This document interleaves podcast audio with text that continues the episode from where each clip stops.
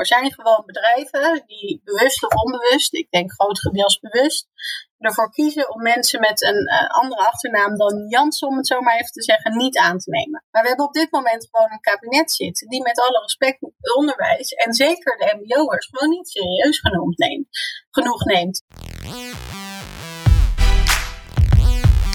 Yo guys, mijn naam is Marwan en welkom bij alweer een nieuwe podcast van Bakkie met Mar. En dit keer heb ik alweer een speciale gast. En die speciale gast is, stel je even voor. Ik ben Iris Scholix, 22 jaar en daarmee de jongste kandidaat van de PvdA-lijst. Uh, eh, en ik ben uh, staatplek 27 en ik ben nu ook raadslid in mijn sluis. Nice. En uh, ja, gelijk de eerste vraag. Uh, waarom ben je de politiek ingegaan? Ik ben de politiek ingegaan toen ik net 19 was als gemeenteraadslid. En ik wilde toen heel erg de politiek in, omdat ik vond dat, het, uh, dat er te weinig voor jongeren gebeurde in de stad waar ik uh, woon, in mijn sluis. Um, maar ook omdat ik vooral vind dat het allemaal een stukje eerlijker kan. En dat het, uh, dat het veel eerlijker verdeeld zou kunnen worden in ons land. Ja, precies. En aangezien ik ook een beetje AIVD-research heb gedaan, Zoals bij elke gast trouwens. Um, ja, je bent ook, wat je net zei, je bent ook uh, gemeenteraadslid bij uh, eh, Imansluis. En je hebt ook gelijk best wel een zware, uh, best wel een zware dossier gekregen. Aangezien, ja, de, de, de, jeugdzorg is best wel een, een, een moeilijk en een zwaar dossier. Aangezien het van staat naar gemeentelijk is gegaan. En mijn vraag is, hoe, hoe, hoe heb je dat eigenlijk opgepakt, zo'n zo'n moeilijke dossier? Ja, ik heb een uh, hele brede portefeuille, zoals dat dan heet in de gemeenteraad. Dus ik doe onderwijs, duurzaamheid, een stukje veiligheid, uh, cultuur, maar inderdaad ook de jeugdzorg. En dat is ook wel gelijk een van de moeilijkste dossiers, hoor, moet ik je eerlijk zeggen. Okay. Uh, eh, jij zei het al, het is naar de gemeentes, ge, ik zeg wel eens, gedropt. zonder met wel de verantwoordelijkheden en zonder het geld. Het was destijds een grote bezuinigingsmaatregel. En tegelijkertijd wil je ook zorgen dat de kinderen die, waar het om gaat, dat die de juiste hulp krijgen. Uh, en wil je zorgen uh, dat het aan de andere kant de gemeente niet failliet maakt. Hè? Want je ziet gemeentes die nu al keuzes moeten maken als in of ze wel of niet het zwembad aanhouden of dat ze wel of niet een kind helpen. Ja, dat zijn natuurlijk keuzes waar in een land als Nederland het echt absurd is dat je daarvoor staat. Maar is dat ook niet gevaarlijk in de zin van vanuit, vanuit de staat dat het eigenlijk zo'n uh, belangrijk iets, weet je. Het, zijn, het zijn, kinderen zijn ook mensen, weet je. En dat het eigenlijk best wel levensgevaarlijk is uh, als het gaat om dat het zeg maar zo'n dossier de gemeente is ingegaan. Terwijl de gemeente eigenlijk uh, ja, ook andere dingen heeft om het, om, het, om, te regelen, om het te regelen, zeg maar. Ja, dat is zeker. dat is niet alleen gevaarlijk, um, maar ik, het is vooral ontzettend um, ik zit even naar het goede woord te zoeken. Uh, onverantwoordelijk okay. is het woord wat ik zocht. Ik vind het echt vanuit de overheid onverantwoordelijk hoe er nu naar gemeentes toe wordt omgegaan. Dus er wordt gewoon gezegd, je moet zelf de expertise hebben. En je moet zelf zorgen dat je het weet. En dat hebben gemeentes gewoon niet, want we hebben dit nog nooit hoeven doen als gemeente. Ja. Dus wat gebeurt er? Gemeentes gaan het vervolgens zoeken in regionaal verband. En dan heb je eigenlijk en meer kosten naar gemeentes en geen veranderingen van hoe het daarvoor was. En is, eh, kost dat ook geld? Zo'n zo'n zo'n zo'n zware, eh, zo'n zware uh, dossier eigenlijk. Hoe bedoel je? Nou, in de zin van, uh, moet je ook zeg maar investeren, bijvoorbeeld in, in, in onderzoeken, uh, in wel, welke middelen er nodig zijn. En dat soort dingen. Is, kost dat allemaal, natuurlijk, het kost allemaal geld, maar is, dat, is dat dan niet te zwaar voor, voor zo'n gemeentelijke, voor zo'n gemeente dan, als Maasluis? Ja, ik denk van wel. Uh, je, je moet inderdaad geld stoppen in hoe pakken we dit aan. Hè? Dus een expertise. Uh, in hoe je mensen zoekt. Hè? Wij gaan nu als gemeente ook met twee andere gemeentes het op een andere manier inrichten. Ja, dat andere manier inrichten kost natuurlijk ook weer ontzettend veel geld. Ja. Um, maar wat je vooral, vind ik, ziet, is dat omdat de gemeentes die het nu allemaal zelf doen, vaak ook zo klein zijn. We hebben 33.000 inwoners dan zie je dat één of twee uh, kinderen al het verschil kunnen maken of jij je begroting wel of niet haalt. Als een kind echt een, zwaar, een, uh, een zware indicatie heeft, dan kost dat gewoon soms wel tienduizenden euro's per maand voor één kind. Ja, precies. En bijvoorbeeld, stel, nou, bijvoorbeeld dan, heb je zo'n, dan heb je nu een bedrag uh, genoemd, tienduizenden euro's. Um, ja, bijvoorbeeld, dat, er zijn, dat, dat is niet voor één kind, bij wijze van spreken, 10.000 euro. Maar er zijn ook meerdere kinderen. En dat kan dan zo, zodanig oplopen. Als ja. jullie dan op een gegeven moment zeggen, ja, wij kunnen niet meer helpen, dan moet er een wachtlijst komen. Ben je, daar, ben je zoiets voor? Is er een wachtlijst wel in Maasluis, bij wijze van spreken? Nou, er is eigenlijk in heel Nederland een wachtlijst op, uh, op de jeugdzorg. En dat verschilt een beetje in welke soorten zorg je het over hebt. Hè. Dus uh, er is in Maasluis geen wachtlijst op de uh, eerste handzorg, om het zo maar even te noemen. Iemand die jouw verhaal aanhoort, die kijkt wat is nou je indicatie en dat soort dingen. Maar je ziet wel, als je vervolgens langer in het traject komt, dan ga je in de regio Rijnmond, moet je dan je zorg, hè, je zorg krijgen.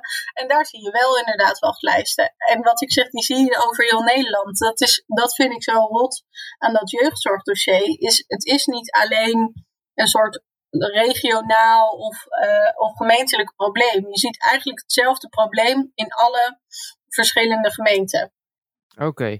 En bijvoorbeeld, nou stel je, je krijgt sowieso zo'n dossier binnen, zeg maar, om, om uh, je zeg maar in te lezen. En doet het ook wat met je als mens? Bijvoorbeeld dan lees je zoiets en dan denk je van, shit, weet je, dit kind of ja, dat, dat kind of dat meisje of dat jongen heeft, ja, heeft het zwaar. Denk je dan niet zo van, ik moet hier iets aan doen. Ik moet het oplossen. Heb je dat gevoel dan niet? Ja, heel erg. En uh, ik vind vaak met de dossiers die wij vanuit de gemeente krijgen, dan zie je alleen maar cijfertjes en nummertjes. En dan wordt het niet persoonlijk. Dus ik probeer zoveel mogelijk mensen ook te spreken uh, vanuit het werkveld, die mij verhalen vertellen over de kinderen waarmee ze werken. En ja, daar hoor je uh, de meest chockerende verhalen. Hè? Mensen die op de wachtlijst staan en dan eerst met iets minder zwaars hè? een indicatie krijgen um, om ze maar hulp te kunnen bieden, waar, waarvan later blijkt dat die indicatie weer niet goed is. Um, wat ook heel vervelend is voor het kind, hè? Wat, eh, wat voor de hele familie uh, hele heftige effecten kan hebben. Um, dus ik, het belangrijkste wat ik in de gemeenteraad probeer te doen, is constant iedereen eraan te herinneren dat we het niet over cijfertjes hebben. Dat dit niet een puur economisch vraagstuk is. Ja. Dat het echt een sociaal vraagstuk is. Namelijk hoe vinden wij als gemeente dat we met kinderen omgaan. Oké, en da daar maak je jezelf eigenlijk best wel hard voor, voor vooral in de gemeente Maasluis, waar je vandaan komt ook. Ja, Okay. Ja, ik probeer echt in de gemeente Maasluis te laten zien. Hè, dat constant achter elk zo'n cijfertje zit een kind. En dat kind moeten we helpen. Mooi gezegd hey, uh, waarom, eigenlijk, uh, de tweede, waarom wil je eigenlijk de Tweede Kamer ingaan? Dat vraag ik me dan af. Ja, ik zag uh, naar diezelfde drive die ik voor de gemeenteraad had, die had ik eigenlijk ook voor de Tweede Kamer. Ook daar zie je dat er ontzettend veel mensen van een bepaalde generatie beslissen over heel Nederland. Dus toch middelde leeftijd nu in de Tweede Kamer is bijvoorbeeld 48 jaar. Nou ja, en die mensen moeten dan over ons, hè, wij zijn allebei jong, over onze toekomst beslissen. Ik vind dat heel gek. Ik vind dat je uh, zelf als jongere de verantwoordelijkheid moet kunnen nemen om over jouw toekomst te beslissen. En ik dacht, ja, als ik daar dan een hele grote mond van heb, hè, van alle problemen die waar wij als jongeren tegenaan lopen, kunnen we het misschien zo nog over hebben, uh, dan moet ik ook dat zelf gaan aanpakken. Oké, en, en wat zijn je eigenlijk je onderwerpen waar je eigenlijk de Tweede Kamer in wil gaan? Nou, ik vind drie onderwerpen waarvan ik zeg, als dat voor jou als jongere, uh, of als jongvolwassene op orde is, dan kan je eigenlijk daarna je leven heel uh, goed zelfstandig inrichten.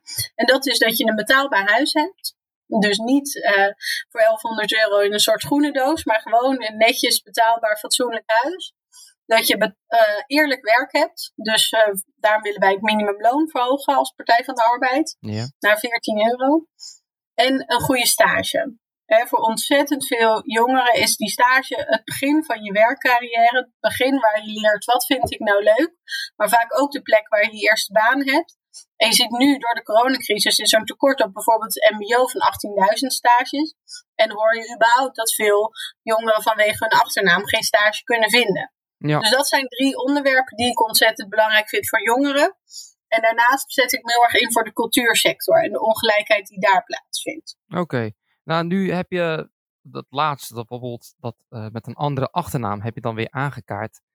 Um, ja, dat is iets wat ik vaker heb meegemaakt. Ik als persoon, maar ook als uh, binnen, ook binnen mijn vriendenkring mensen met een andere achternaam. Um, er zijn, uh, ja, ik heb de reden dat ik zelf eigenlijk ondernemer ben, dat ik eigenlijk, ja, in principe werk ik eigenlijk voor één baas. Maar dat ik ondernemer ben, is voor mij ook de drijfkracht geweest om niet meer voor een baas te werken. Uh, puur omdat ik me kapot heb gesolliciteerd. En ik kom ook van het MBO. En ik heb het echt me rot gesolliciteerd als het gaat om MBO-stages. En continu krijg ik altijd dat mooie, die mooie mails van ze, weet je. Van, hey, uh, we hebben al iemand anders uh, gevonden. Of deze mail is, ik bedoel, deze vacature is... Vergeven. Precies. En dan, dan, dan denk ik van, ja, maar dan, zie je, dan ga je drie weken later ga je weer kijken. Dan staat hij er nog. Weet je, en dan denk ik van, wat heb ik verkeerd gedaan? Weet je, en dan zie ik toch bijvoorbeeld een maat van mij hebben, we hebben een keer, dat, dat is echt gebeurd, waar gebeurd. Ik en mijn maat hebben bij eenzelfde bedrijf gesolliciteerd. En mijn brief heb ik drie keer na, na laten kijken.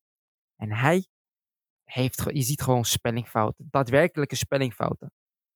Dat zie je gewoon. Hij werd aangenomen, maar ik niet. En dat, en dat moment vond ik, vond ik het pijnlijk. En mijn vraag is aan jou, hoe wil je dat gaan aanpakken dan dat moment?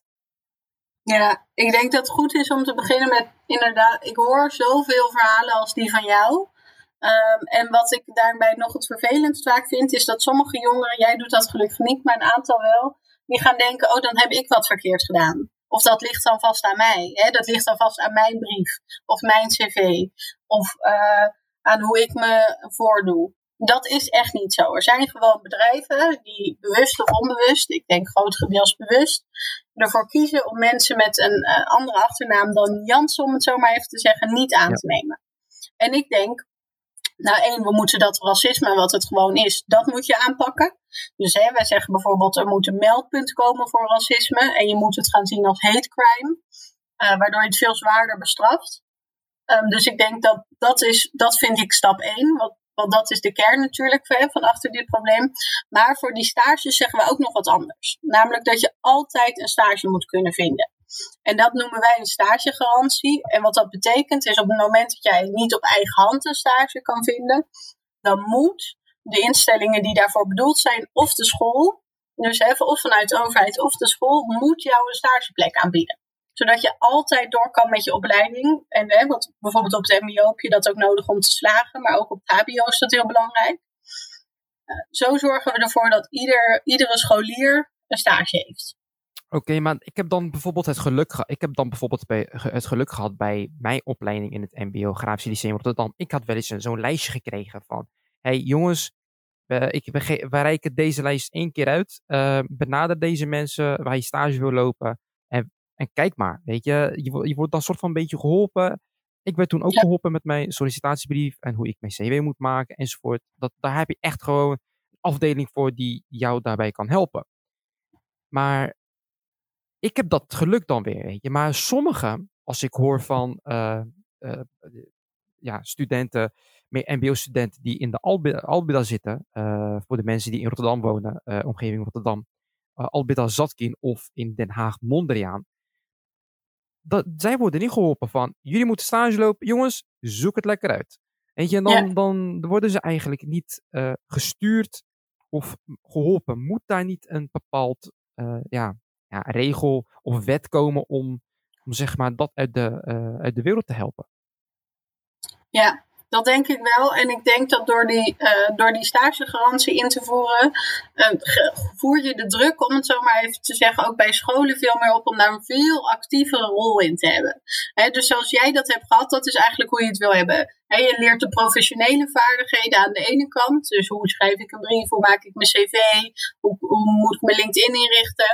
En aan de andere kant weet je, uh, en, dan, en je krijgt een lijst van plekken. En je weet ook, stel dat die hele lijst misgaat, dan heb ik iemand om naartoe te gaan en die helpt me dan nog, nog een keer. Dat is eigenlijk de idealiter hoe je het voor je ziet. Of hoe ik het voor me zie, hoe wij het als partij zien. En ik denk wel dat het heel belangrijk is dat we daar snel mee aan de slag gaan, ja. Dat we snel gaan zorgen dat dat in orde komt, dat dat gewoon in het curriculum komt, zodat scholen dat altijd moeten geven. En dat we zorgen dat die stagegarantie zo snel mogelijk in een wetsvoorstel wordt doorgevoerd. Nou, maar wat, ik dan niet begrijp, hè, bijvoorbeeld, de, die, bijvoorbeeld stel die scholen hebben, scholen kunnen zo een netwerk uh, op, die hebben een netwerk, die, die netwerk is opgebouwd. Maar dan vraag ik me toch af, bijvoorbeeld een school als Graafs Lyceum heeft dan zo'n lijst. En school als Albinne en Zatkin, die zijn, die zijn grote scholen in binnen Rotterdam, Rotterdam Rijnmond vooral. Dan vraag ik me toch af, hoe kan het nou zo zijn dat het eigenlijk toch fout gaat? Want dan, dan denk ik toch zo van, dan is het niet vanuit de staat, maar dan ook vanuit MBO. Maar de MBO die zeggen van, wij doen voldoende. Maar de staat, uh, die, doet, ja, die, financiert, die financiert ons niet. Of, of te weinig. Dus aan wie, waar moet het dan liggen? Dus er moet, dus dan, er moet er toch wel een, een middenweg komen tussen die twee. Nou ja, ik denk ook dat die middenweg is dat je scholen wel gaat helpen om die te doen. dus wij zeggen ook bijvoorbeeld, wij investeren het meeste samen met GroenLinks in het onderwijs. En dat doen we uh, op heel veel gebieden, maar ook op bijvoorbeeld het uh, verhogen van het salaris van leraren. En je ziet, leraren hebben nu ontzettend veel een hoge werkdruk en krijgen daar veel te weinig voor betaald. Nou ja, dan hè, als jij heel veel moet doen voor relatief weinig geld, dan word je ook niet met de dag gemotiveerder, om het zo maar even te zeggen. Klopt. Dus wij denken dat dat ontzettend gaat helpen. Dat dat de leraar ook veel meer het gevoel gaat geven dat ze serieus worden genomen. En dat ze dan weer dat extra stapje, om het zo maar even te noemen, gaan zetten. Want wat je nu heel veel ziet, ik spreek ook veel leraren en die zeggen ook gewoon, ik heb er de tijd gewoon niet voor. Ik heb de tijd niet om met leerling A of met leerling B apart te gaan zitten en te gaan kijken wat, is nou, wat past nou het beste bij jou. En zeker op van die grote scholen heb je dan het gevaar dat je een nummertje wordt. Uh, daar hadden we het net al even over um, bij de jeugdzorg. En dat vind ik echt voor kinderen een van de gevaarlijkste dingen in ons land. Want zodra je een nummertje wordt, dan wordt het onpersoonlijk.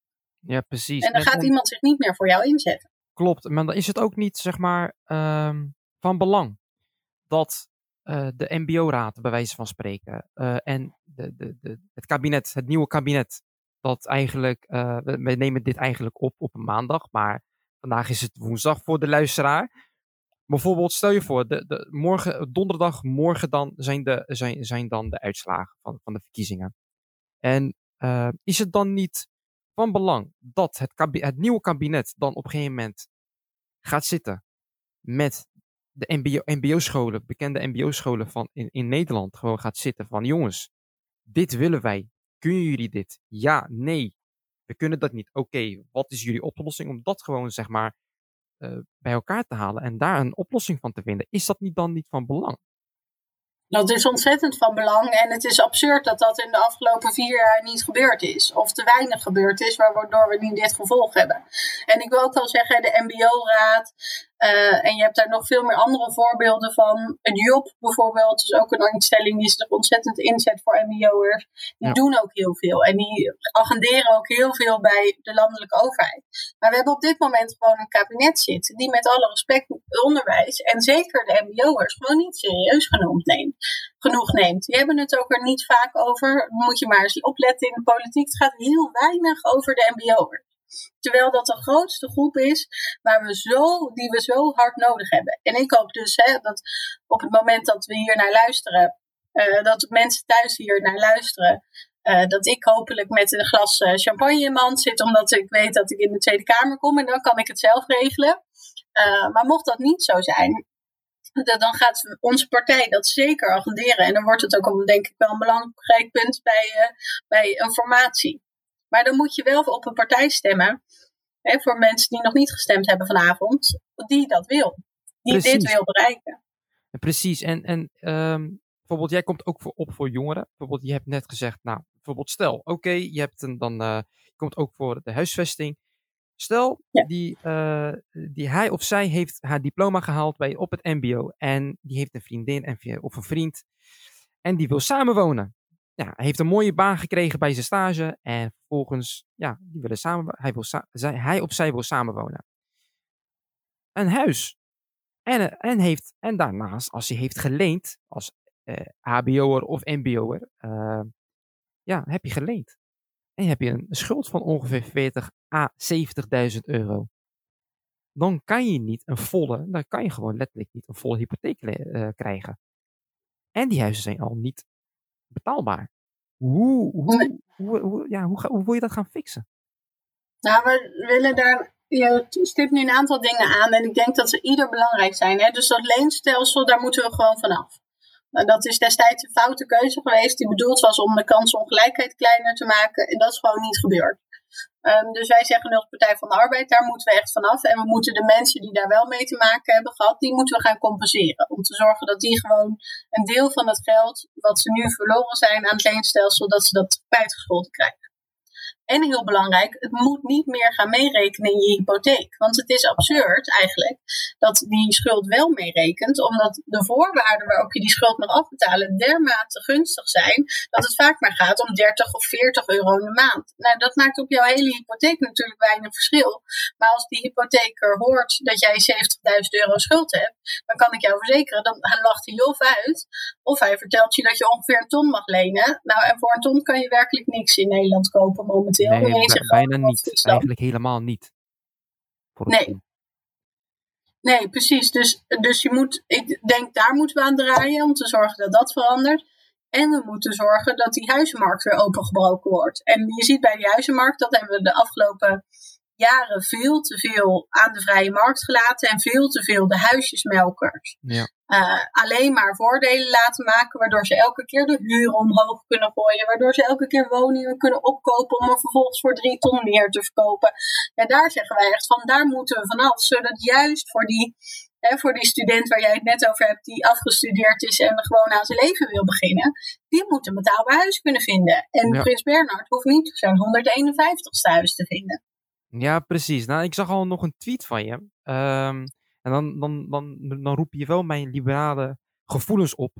En ja, dan, dan denk ik van, uh, je ik, ik, weet niet, ik, ik weet niet precies wat je precies schrijft in je tweet, maar je, je had gezegd van, niet, ja, het liefst niet beleggen in een huis. Bijvoorbeeld, ja, waarom zou je moeten beleggen? Weet je, dan, dan, vraag, dan vraag ik me toch af, ja, beleggen. Het is toch leuk als je een huis koopt en daar gewoon een beetje winst op kan maken. Of, of, ma of, of mag dat niet? Uh, dat, dus dan vraag ik me toch af van, het is, het is toch normaal in deze tijd? Of, of, of, of, praat ik nu, of praat ik nu iets, uh, zeg, of zeg ik iets verkeerds? Nee, nou, ik denk niet dat je per se iets verkeerd zegt. Um, maar wat wij zeggen is op het moment dat je een huis uh, koopt en dat vervolgens als belegging gaat gebruiken, dan is dat een inkomen. En daar moet je gewoon netjes belasting over betalen, zodat je dat over, zoals je dat over elk ander inkomen ook doet. En dat is net het verschil. Dus wij zeggen helemaal niet, jij mag geen huizen meer kopen om te beleggen. Ik vind wel het echt een vraagstuk of mensen 150 huizen moeten hebben. Dat vind ik wel echt een vraag.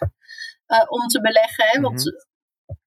Tegelijkertijd kunnen er mensen, superveel mensen, kunnen niet eens één huis kopen. Dus laat staan dat je er 150 hebt. Maar wij zeggen vier, dat is al een soort, en dat heeft geen enkele normale Nederlander, heeft vier huizen, maar, maar zeg even vier, dat is de max. En over die 100 andere, in het geval van Prins Bernhard, over die 100 andere 46, daar betaal je gewoon netjes belasting ja. over, zodat je, zoals je dat bij ieder ander inkomen ook zou doen. En hoe hoog moet die belasting dan eigenlijk uh, zijn? Nou ja, gewoon hè, de, de, de, precieze plannen daarvan zeggen we, uh, dat noemen wij de Prins Bernhard belasting, hè, ook naar Prins Bernhard. En daar zeggen we gewoon van een uh, procentueel naar hoeveel, naar hoeveel huizen je hebt en naar hoeveel um, inkomen je hebt, ga je dat betalen. Okay, inkomen dus, vanuit die huizen. Dus in principe hangt het vanaf hoeveel huizen je hebt en hoe, en hoe hoog je inkomen is. Ja, hoe hoog het, uh, hoe hoog het inkomen is wat je wat uit die huizen krijgt. Hè? Dus als jij per huis 1200 euro binnencasht, om oh, zo maar even okay, te zeggen, ga je daar een procentuele waarde over betalen. Dus, Want ik denk dat we echt het, een, een verschil is of een, hoe we naar uh, die huizenmarkt gaan kijken. Want het is gewoon een inkomen voor de mensen die die huizen beleggen. En zo zien we het nu niet, maar dat is wel zo. Maar stel bij wijze van spreken, uh, ik heb dan, ik zeg maar wat, 10 huizen. En dan ja komt er zo'n wetsvoorstel, dan begin ik dan met een als een makelaar. Maar is dat dan niet ook de wet soort van omzeilen, dat moment? Ja, ik denk dat we daar goed naar moeten kijken van hoe, mensen, je hebt altijd mensen die de wet gaan omzeilen. Uh, ik denk dat het goed is om daar zeker naar te kijken. Maar ik denk ook dat het goed is om je te beseffen dat als je tien huizen hebt, dat dat betekent dat je echt dermate veel geld hebt. Dat, uh, dat je niet op een eerlijke manier bijdraagt aan de samenleving, omdat je daar nu helemaal geen belasting over betaalt. Dus ik denk het grootste deel van de mensen, die gaan we echt wel hè, gewoon eerlijk laten bijdragen door, die, uh, door, de, uh, door nette manier van daar belasting voor vragen. En gaan mensen de wet proberen te omzuilen, vast en zeker. En daar moeten we op dat moment dan oplossingen voor gaan verzinnen. Oké. Um, ja, zo, wat, wat, wat, wat, wat, wat zouden jullie eigenlijk moeten doen? Ja, kunnen doen aan de huizenprijzen anno 2021. Want die, die prijzen zijn, die, die, die, die, dat sla, die slaan nergens op. Persoonlijk vind ik, ik als liberaal, ja. om het zo te zeggen. Tuurlijk, we willen altijd heel veel verdienen. We willen heel veel uh, huizen, uh, minder belasting, minder staat, al, uh, hard werken en alles wat je verdient is van jou. Maar als een starter eenmaal een huis wil kopen, is dat moeilijk. En die huis, bijvoorbeeld een gemiddelde huis kost ongeveer bijna 3 à 4 ton. Dus dan vraag ik ja. me af, hoe, hoe, hoe, hoe, willen jullie dat gaan uh, reguleren eigenlijk? Bijvoorbeeld echt dat juist omlaag te halen, zodat er een soort van geen verlies kan worden uh, geleden aan de makelaar. Hoe, wil dat, hoe, ja. hoe willen jullie dat gaan regelen? Nou, een aantal dingen. We moeten als eerste gewoon huizen, heel veel huizen bij gaan bouwen. Dan krijg je dat automatisch de vraag en aanbod gaat veranderen. Maar als we dat doen in de huidige uh, markt, dan gaat dat gewoon betekenen dat er heel veel dure huizen bij komen. En daarvan zeggen wij nee. Uh, er moet een ministerie van Wonen komen. En, of een minister van Wonen. En die moet vanuit de overheid de regie gaan nemen over wat voor soort huizen zijn dat nou die we bij gaan bouwen. En wij zeggen dat moeten vooral sociale huurwoningen en sociale koopwoningen zijn, omdat je daar een enorm tekort ziet, omdat dat voor die starter vaak belangrijk is. En we zeggen voor die starter dat je gunstige uh, starterslening heet dat kan nemen. Wij hebben dat in sluis al ingevoerd. Uh, en die gaat je helpen om net even dat verschil te overbruggen tussen uh, wel of niet dat huis kunt betalen. Dus ik denk dat dat heel belangrijk is. En wat, hè, dat zei ik net al.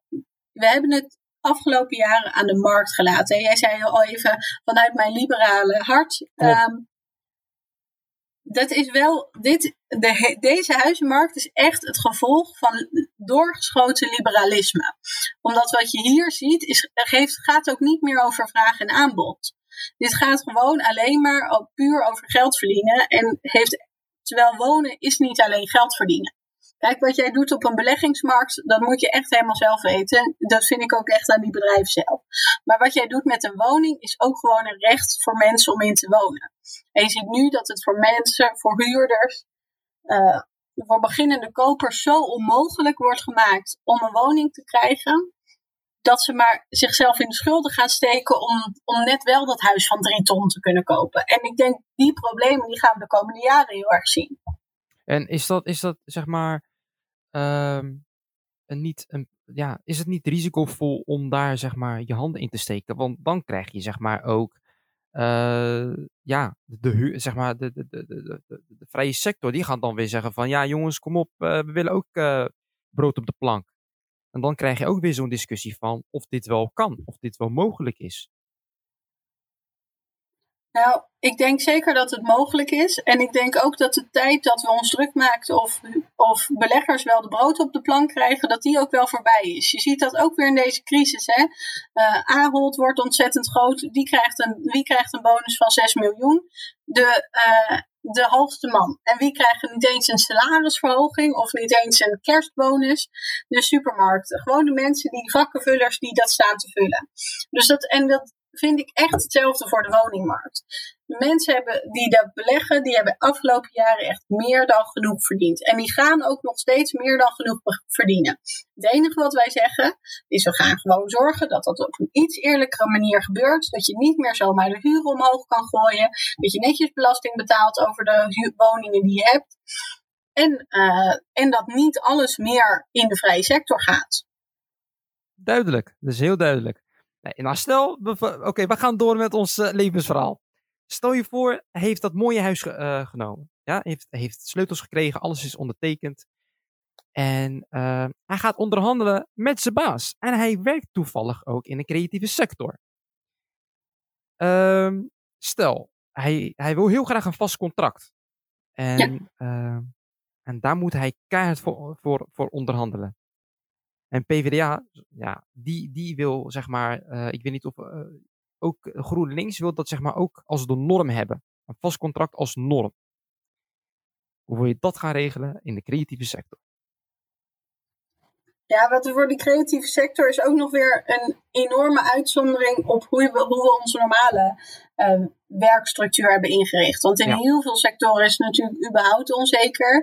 Maar bij de creatieve sector kan je dat ongeveer nog keer tien rekenen is de ene, een van de weinige sectors waarbij er geen collectieve afspraken zijn gemaakt. Bijvoorbeeld, hè, waarbij ZZP-werk ook vaak wordt, niet eens wordt uitbetaald. Maar uh, hè, dan krijg je exposure, noemen ze dat dan. Uh, dus dan hoef je niet betaald te worden. Nou, dat brengt al echt geen brood op de plank. Uh, om even aan te halen waar we het net over hadden. Dus ik denk, hoe we dat willen aanpakken is, ik heb een, een vijf puntenplan gemaakt. Dat heet Hoe overleeft de cultuur? En eigenlijk zeggen we daar hele simpele en, uh, nou ja, bij, om zo maar even in de term te blijven, creatieve oplossingen. Dus we zeggen, aan, zeggen als eerste moet die arbeidsmarkt, daar moet inderdaad dat vaste werk weer de norm worden. Dat doe je door die collectieve afspraken te maken waar ik het net over had. We moeten om bedrijven, de, om de cultuurinstellingen de coronacrisis uit te krijgen, zorgen dat zij uh, dat de makers een werkkapitaal krijgen. Dus een kapitaal om alvast het volgende seizoen voor te bereiden. We moeten zorgen dat jonge talent um, een plek krijgen, een beetje betaalbaar, om huizen. Uh, oh, sorry, dat was ik in het vorige thema.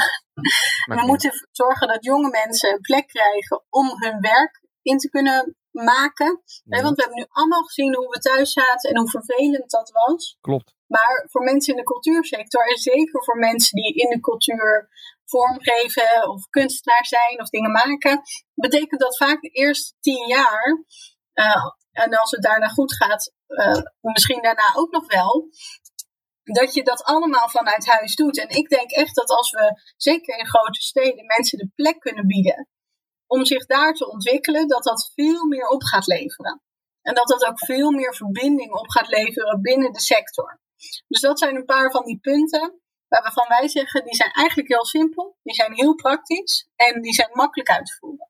En uh, bijvoorbeeld, je hebt over een vijf punten, uh, zeg maar, je hebt vijf punten gemaakt. En wat zijn precies die vijf punten? Want uh, het is wel leuk om zo'n om zo punten te maken, maar je hebt daar ook onderzoek naar gedaan, uh, lijkt mij. En mijn vraag is dan, wat zijn die vijf punten en hoe heb je je onderzoek dan eigenlijk, hoe is je onderzoek daarop gebaseerd?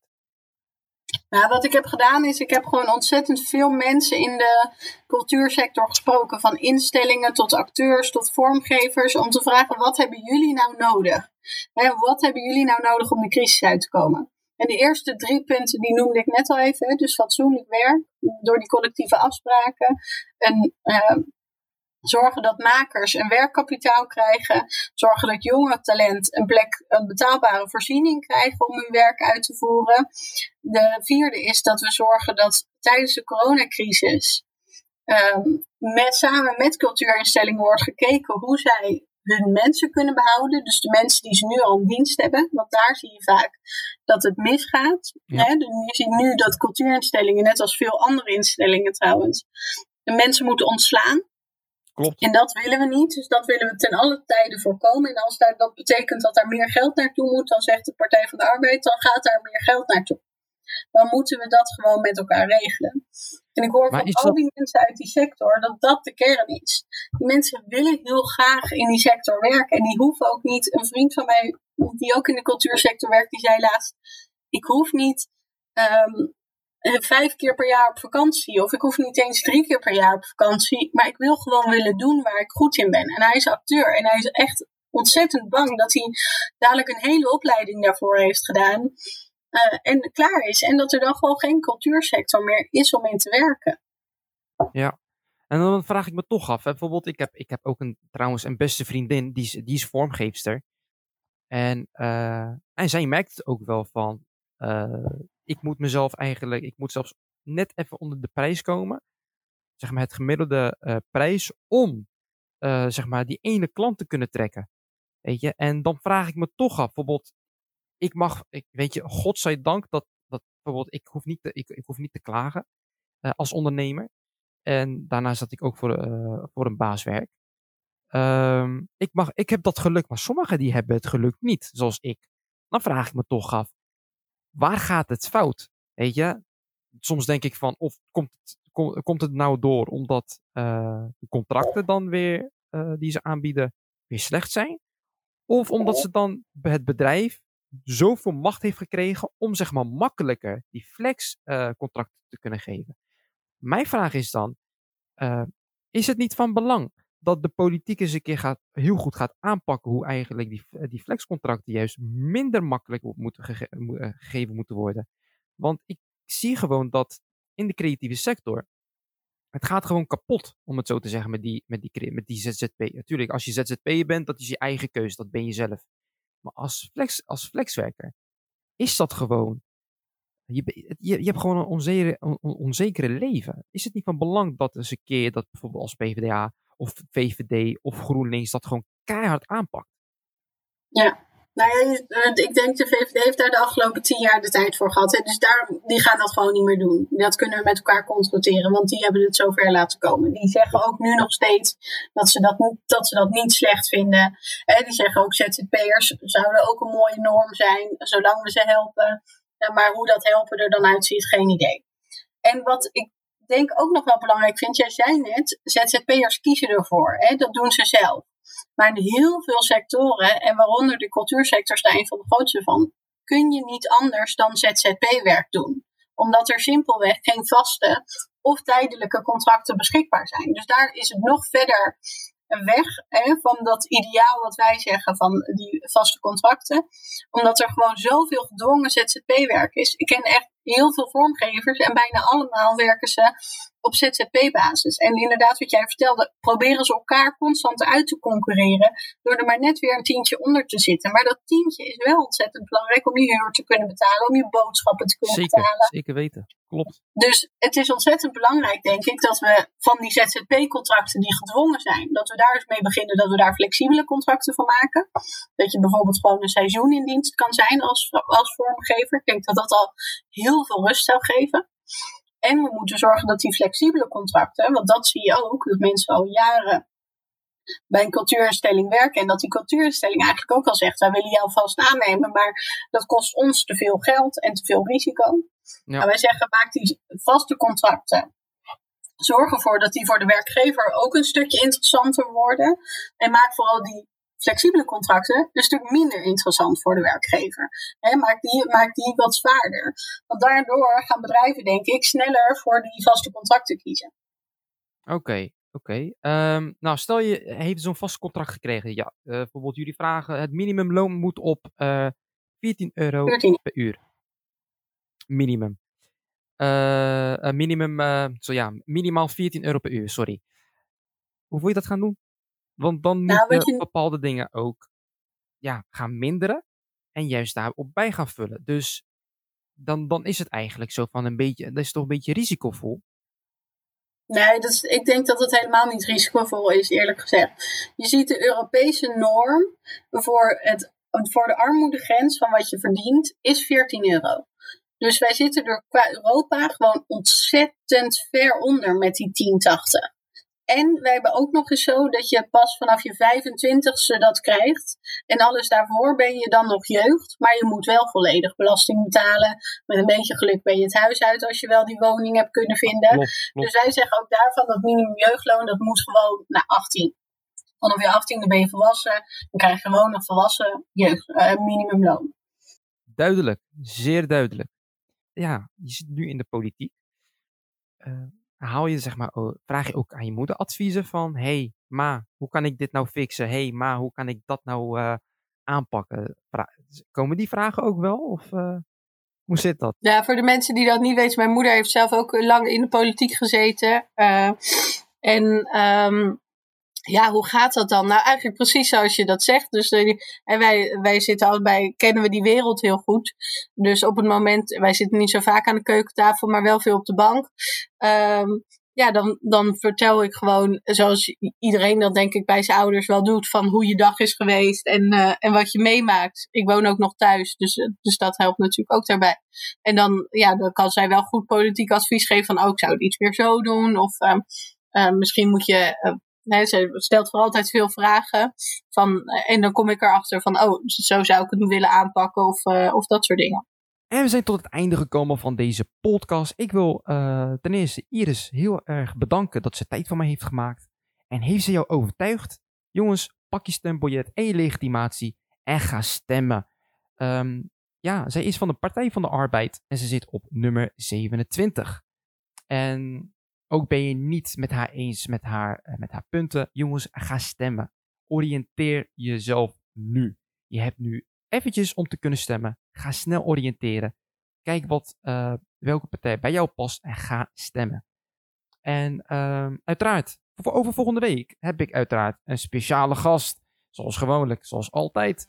En ik hoor en ik zie jullie volgende week. Jongens, de mazzel en een fijne avond uiteraard.